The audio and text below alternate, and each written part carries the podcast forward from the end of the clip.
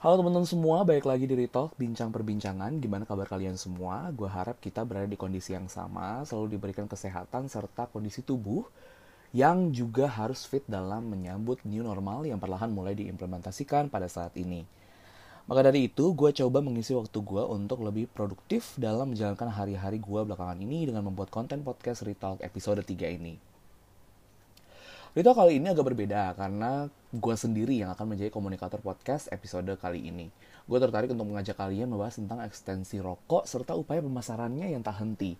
Lalu, siapa target sebenarnya? Pada pengertiannya, rokok adalah lintingan atau gulungan tembakau yang digulung atau dibungkus dengan kertas, daun, atau kulit jagung sebesar kelingking dengan panjang 8-cm kurang lebih. Biasanya dihisap seseorang setelah dibakar ujungnya. Rokok merupakan pabrik bahan kimia berbahaya. Hanya dengan membakar dan menghisap sebatang rokok saja dapat diproduksi lebih dari 4.000 jenis bahan kimia. 400 di antaranya beracun dan 40 di antaranya bisa berakumulasi dalam tubuh dan dapat menyebabkan kanker. Rokok juga termasuk zat adik adiktif ya, karena dapat menyebabkan adiksi atau ketagihan dan dependensi atau ketergantungan bagi orang yang menghisapnya.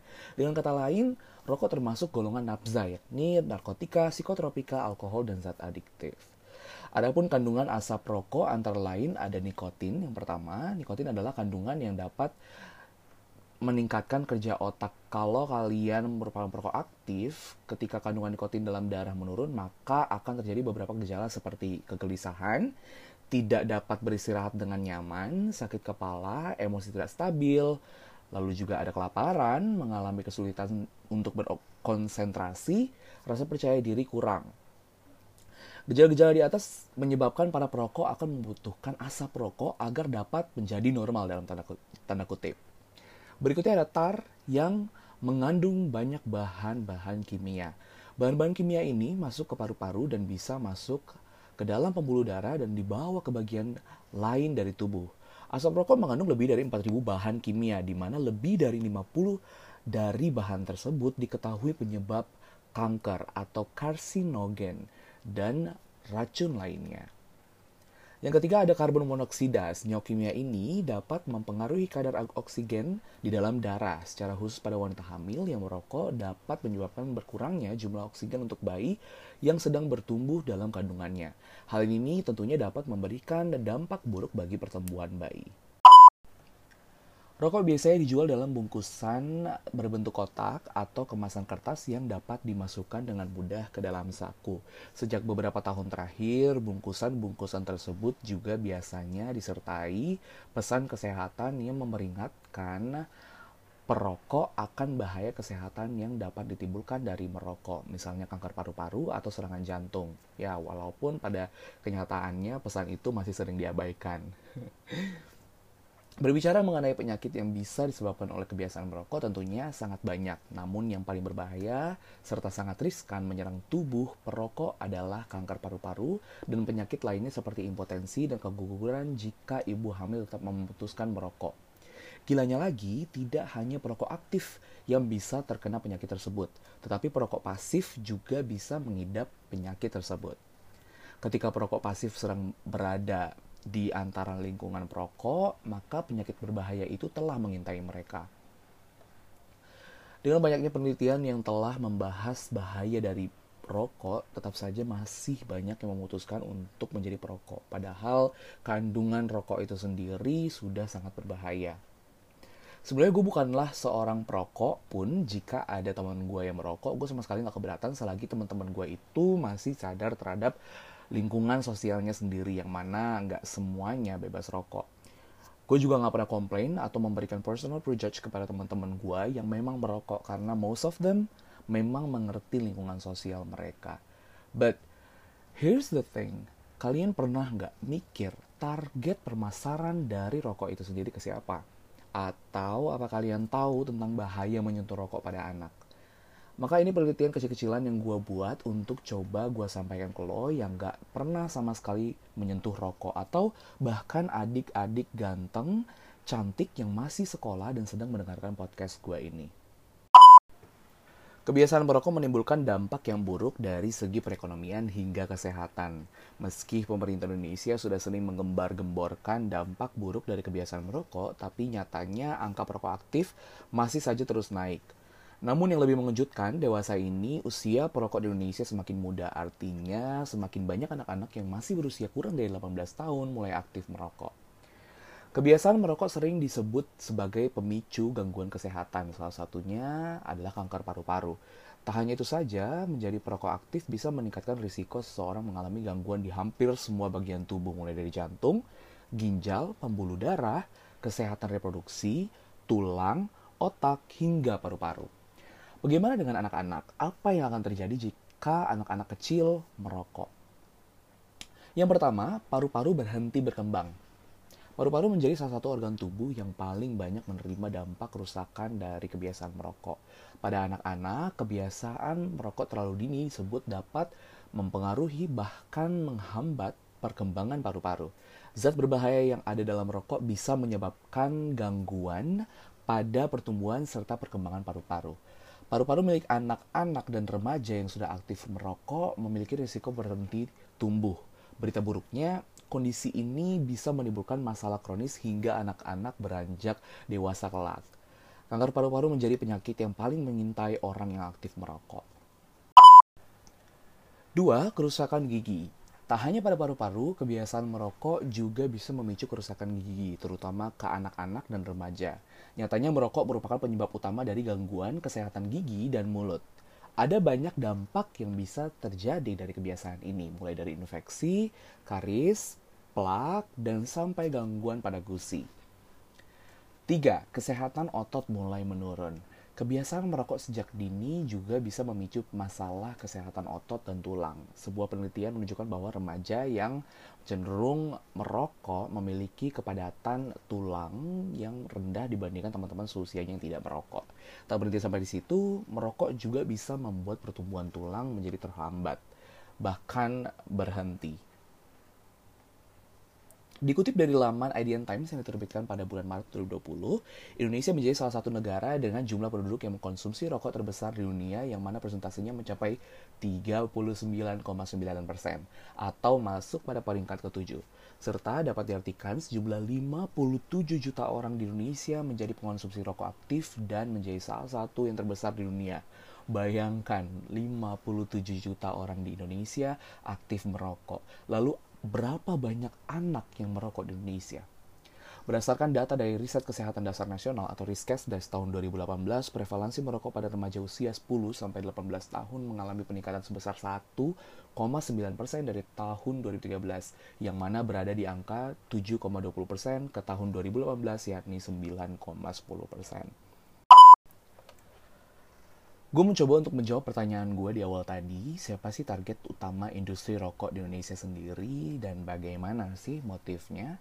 Apa kalian mungkin udah ada yang sadar siapa targetnya?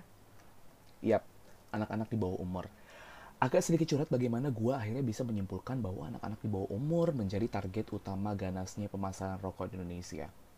Waktu SD bahkan sampai SMP, di belakang sekolah gue ada sebuah warung yang memang berwujud layaknya warung pada umumnya, sampai suatu ketika gue tahu teman-teman gue memang merokok di belakang sekolah gue saat itu tepatnya di warung yang gue sebutin di atas ternyata kesalahan utamanya yang ada pada fenomena ini gue sebutnya fenomena ya terdapat dari penjualnya itu sendiri Ya, penjual yang tetap menjual barang dagangannya dalam hal ini rokok kepada anak-anak di bawah umur. Seakan-akan para penjual ini tutup kuping atas apa yang mereka lakukan. Gak sampai di situ, parahnya lagi di warung itu yang mana terletak persis di belakang sekolah gua, terdapat flyer atau yang biasa kita sebut dengan spanduk dari pihak distributor rokok sendiri yang dengan jelas tertera konten rokok yang seakan-akan persuasif kepada siapa pun calon pembelinya tanpa memandang umur. Upaya pemasaran yang sangat cerdik menurut gue pribadi to be honest. Hal yang gue sebutin di atas sepertinya sering terjadi di beberapa wilayah di Indonesia. Distributor rokok yang alibi membangun relasi baik dengan pihak warung yang ternyata secara tidak langsung memasarkan produk rokok yang mereka distribusikan. Pengaruh pemasaran rokok yang marak bertujuan pada anak-anak di bawah umur tentunya gak lepas dari beberapa hal yang menurut gue memiliki tanggung jawab terutama dalam mendidik, mengawasi, dan mengoreksi perilaku anak terhadap rokok sendiri. Di antaranya yang pertama, orang tua. Seperti yang kita ketahui, orang tua adalah teladan bagi seorang anak. Bagaimana cara orang tua tersebut mendidik anak untuk menghindari kejamnya peredaran rokok yang masif di pasar. Anak juga secara naluriah memiliki tingkat keingintahuan yang sangat tinggi. Sehingga setiap hal baru yang mereka temui harus dalam pengawasan dan tanggung jawab orang tua.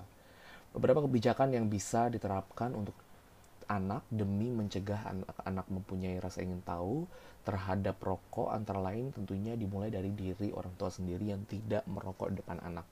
Kemudian juga selalu memberikan informasi tentang bahaya merokok sehingga anak tidak mempunyai rasa ingin tahu yang berlebihan.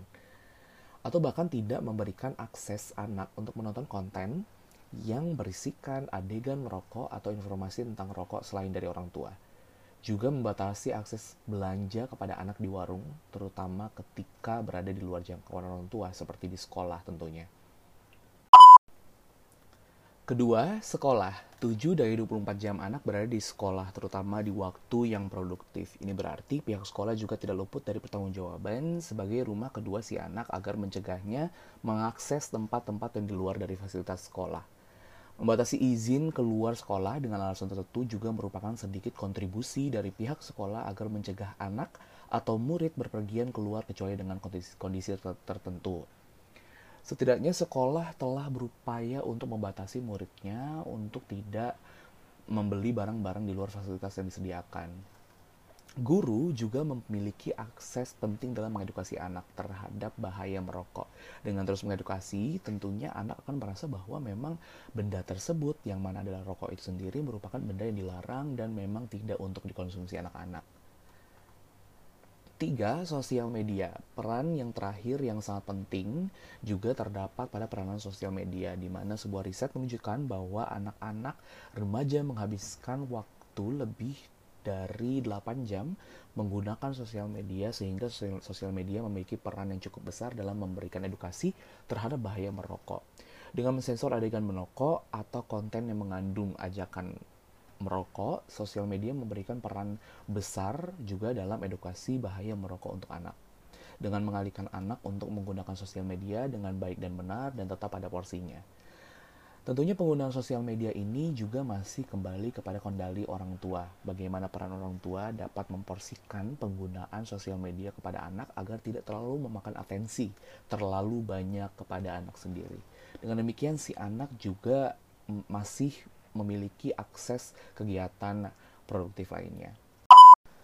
Ada beberapa kasus anak di bawah umur yang mengkonsumsi rokok sejak balita, contohnya pada tahun 2010 silam, balita asal Musi, Banyuasin, Sumatera Selatan, menjadi pembicaraan. Pasalnya bocah yang saat itu berusia dua setengah tahun tersebut mengkonsumsi hingga 40 batang rokok setiap harinya. Wow, Ayahnya bercerita, Ardi mulai merokok sejak berusia 18 bulan. Bila tidak diberi rokok, Ardi langsung marah hingga membenturkan kepalanya ke tembok. Ramainya pemberitaan terhadap Ardi membuat beberapa organisasi anak datang dan melakukan berbagai upaya untuk membantu bocah itu berhenti merokok. Kecanduan merokok Ardi bisa dihapuskan, tapi dia malah mengalami kecanduan lain yaitu kecanduan makan hingga mengalami obesitas. Peran orang tua merupakan peran yang sangat penting dalam menentukan masa depan anak, tanpa terkecuali mengedukasi anak mengenai bahaya merokok yang selalu mengintai pergaulan anak dalam lingkungan bermainnya. Rasa ingin tahu anak yang seakan-akan menggebu-gebu, terutama pada usia remaja, juga menjadi penyebab lain dari fenomena anak yang mulai mengkonsumsi rokok bila mana ada anak yang memang sudah mengkonsumsi rokok, ada baiknya kita sebagai orang terdekatnya memberikan edukasi lebih lanjut sebelum semuanya terlambat.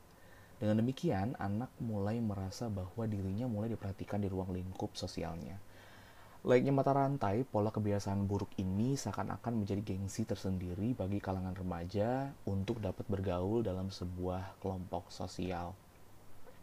Dengan adanya kesadaran tinggi dan rasa tanggung jawab, kita harus tahu dan juga harus bau membau demi memutuskan mata rantai tersebut. Gue percaya setiap pribadi dari kita memiliki perannya masing-masing, peran pentingnya masing-masing. Kembali lagi, apakah kita ingin masa depan bangsa kita diambil alih oleh orang yang tidak bertanggung jawab, atau bahkan masa depan kita yang sekarang ada di kalangan remaja saat ini memang seakan-akan memberikan tanda bahwa tidak akan ada masa depan yang baik nantinya. Oleh karenanya, gue mengajak kalian semua yang sedang mendengarkan podcast singkat ini untuk dapat sadar mulai dari diri kita sendiri. Untuk sama-sama bahu-membahu tolak pengedaran rokok pada anak dan mulai mengedukasi pentingnya menghindari pemasangan rokok pada anak. Karena masa depan kita berada di tangan mereka. Selamat hari tanpa tembakau sedunia. Stay safe.